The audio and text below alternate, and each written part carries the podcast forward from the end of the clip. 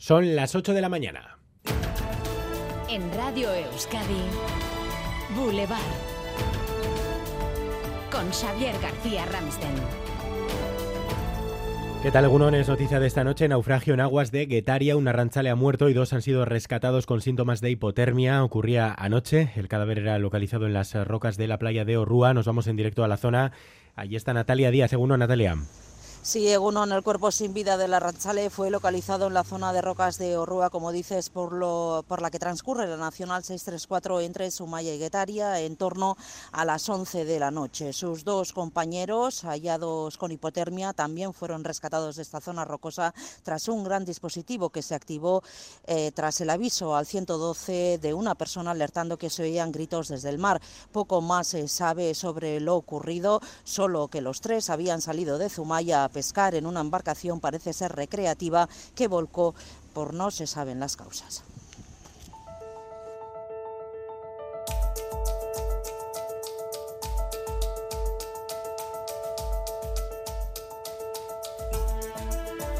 Y conexión también a esta hora con Donostia porque eh, se está celebrando, acaba de comenzar el homenaje al cocinero Ramón Díaz en Loyola. Se cumplen 23 años de su asesinato a manos de ETA y este año es además un homenaje eh, muy especial. Laida Basurto, Egunon.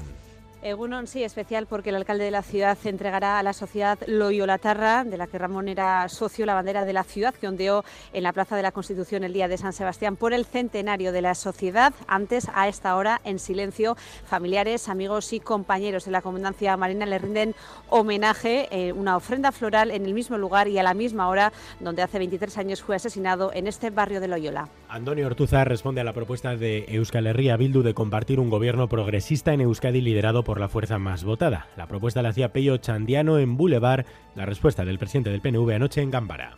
Puro tacticismo político. Bildu quiere llegar a la Lendakaricha para hacer justo lo contrario de lo que hace el PNV. Entonces, ¿qué credibilidad tiene que ahora nos ofrezca un gobierno de coalición? ¿Qué vamos a estar dos partidos que hacemos lo contrario? Ortuzar se refería también al acuerdo presupuestario en el Ayuntamiento de Gasteiz entre H. Bildu y las fuerzas del gobierno, PSE y PNV. El líder del PNV no cree que sea casualidad que la alcaldesa a la que apoya Bildu sea socialista. Cree que así la coalición Abertzale busca desposicionar al Partido Socialista. La alcaldesa, mientras tanto, y la teniente de alcaldesa valoraban ayer de forma positiva este acuerdo que hoy mismo se va a votar. Son enmiendas que suponen la mejora de partidas que ya figuraban en nuestro proyecto de presupuesto y otras que compartimos porque es que además van en la misma línea que estamos trabajando. Y hoy ese proyecto se ha mejorado gracias al acuerdo alcanzado con EH Bildu a y media. A las ocho y media hablamos en Boulevard con la líder del PSE en Álava, Cristina González, y con la portavoz de Euskal Herria Bildu en el Ayuntamiento, Rocío Vitero. Y los que siguen sin acordar lista conjunta, ni parece que lo vayan a conseguir, son Sumar y Podemos. Los primeros rechazan a Gorrochategui como candidata de consenso. Lo anunciaba aquí en Boulevard ayer el portavoz de Sumar, Andeca Larrea. No, no sería en este momento una candidata de, consenso por ese análisis que hacemos en torno a la renovación de liderazgos, en torno a la renovación generacional. Si alguien quiere unir, fuerzas, bienvenido sea. Pero nada va a ser posible con quien quiera dividir la izquierda en Euskadi. Así bien, este viernes que nos dejan más titulares, los repasamos con Asier Herrero.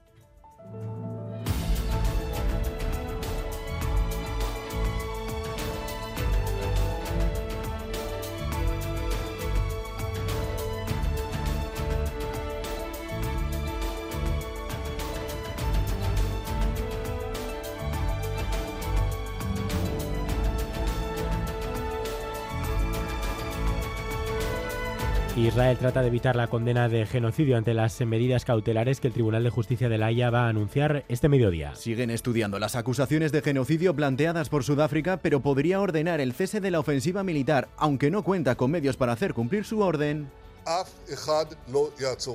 E Israel ya ha anunciado por medio de su primer ministro Benjamin Netanyahu que no hará caso a las medidas, aunque esta misma noche el propio gobierno de Netanyahu ya ha tratado de guardarse las espaldas. Quiere evitar la condena por genocidio ante lo que ha revelado documentos secretos en los que demostraría que permitió la entrada de ayuda humanitaria a Gaza. Visto para sentencia al juicio, cinco de los siete acusados por la paliza de Alexandru y Yonita piden perdón a la familia. Dicen que no harían algo así nunca. Pedir lo siento a la familia y a Alessandro también por lo sucedido. Y eso, sabe que nunca, no haría un tip, algo así nunca en mi vida. Ante la brutalidad de la paliza, la fiscal y la acusación ven ánimo de matar a los agresores por lo que se enfrentan a un asesinato en grado de tentativa. Fiscalía cree que son coautores al margen del papel individual. El hecho de que algunos de los presentes lleven botellas de cristal, palos, objetos contundentes, todos ellos, la aproximación a la víctima cuando estaba solo, dado que su amigo Yamal se había ido formando un círculo, acreditan un previo acuerdo de voluntades y un dominio funcional del hecho por parte de todos ellos. Varios abogados defensores han solicitado la absolución.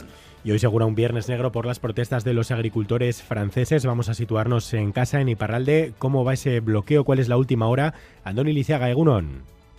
Bueno, pues aquí la novedad es que el sindicato mayoritario en Iparralde, el sindicato agrícola mayoritario LB, ha decidido incorporarse al movimiento de la FDSA y en estos momentos están bloqueando el depósito el depósito principal del puerto de Bayona, Maisica, donde se importan sobre todo cereales y en concreto maíz.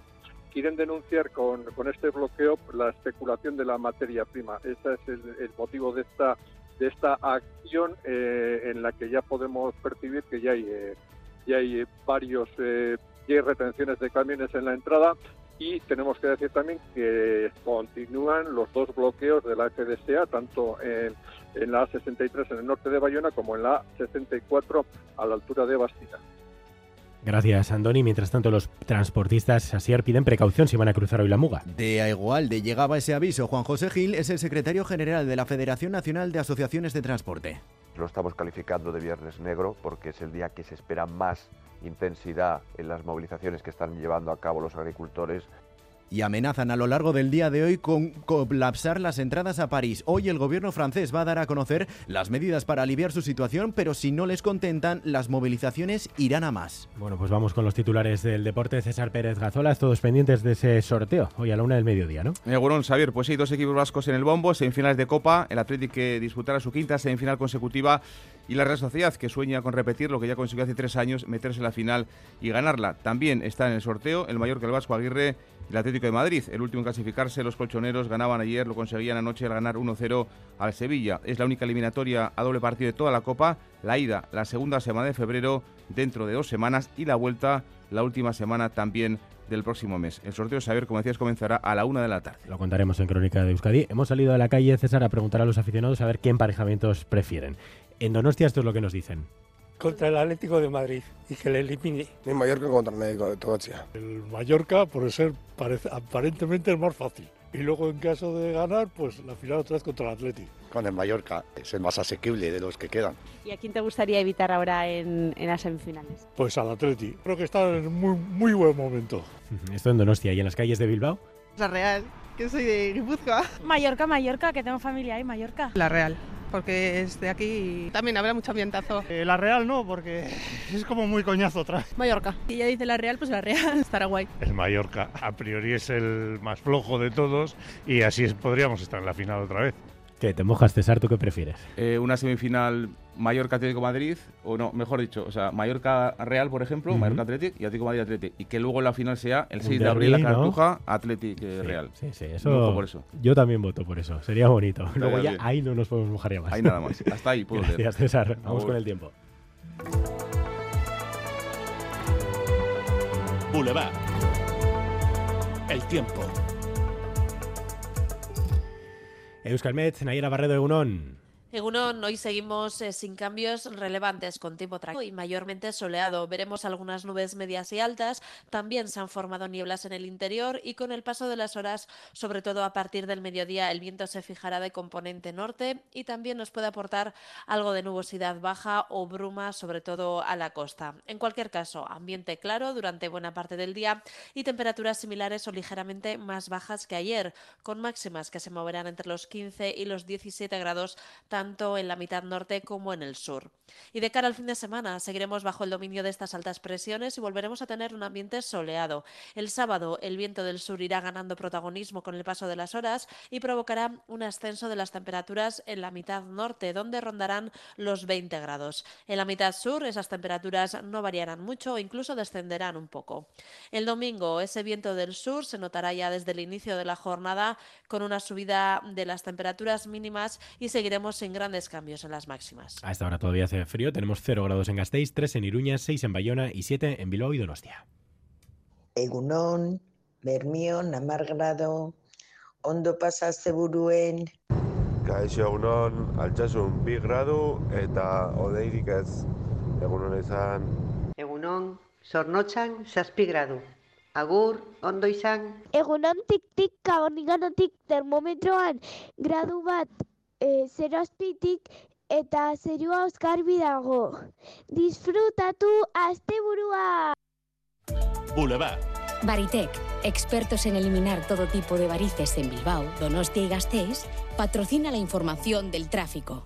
Es que recasco a nuestra audiencia y a este burón también para todos ellos. Begoña, ¿algún problema en carreteras? Pues por el momento en la red viaria vasca vemos tranquilidad, aunque tengan precaución con los bancos de niebla densa que se pueden encontrar en algunos puntos y recuerden también ese punto de la 63 a la altura de Bayona, porque las protestas de los agricultores eh, continúan y se recomienda a los conductores que se informen previamente del estado de las carreteras, de los bloqueos que pueda haber y busquen rutas alternativas. A estas horas solo un apunte de tráfico ferroviario porque les recordamos que se ha interrumpido el servicio de Renfe entre Baracaldo y Musquiz porque ha caído un objeto eh, a la vía y este tramo, como les decimos, entre Baracaldo y Musquiz se está cubriendo con el servicio de autobuses que ha habilitado Renfe. ¿Quieres vivir sin varices el 2024? Olvídate de síntomas tan molestos como picores o dolor y estrena piernas con Varitec. Especialistas en tratamiento de todo tipo de varices sin cirugía, sin anestesia y sin límite de edad. No importa el grado de tus varices, sean arañitas, varices gruesas, úlceras venosas o incluso si han reaparecido después de operarte. En Varitec nos comprometemos contigo. Pide tu primer diagnóstico en nuestras clínicas de Bilbao, Donostia y Gasteiz. Información disponible en varitec.es. Agur Varices. Ayúdanos a mejorar nuestra información con tus comentarios, fotos y vídeos. Envíalos al WhatsApp de Radio Euskadi 688 840 840.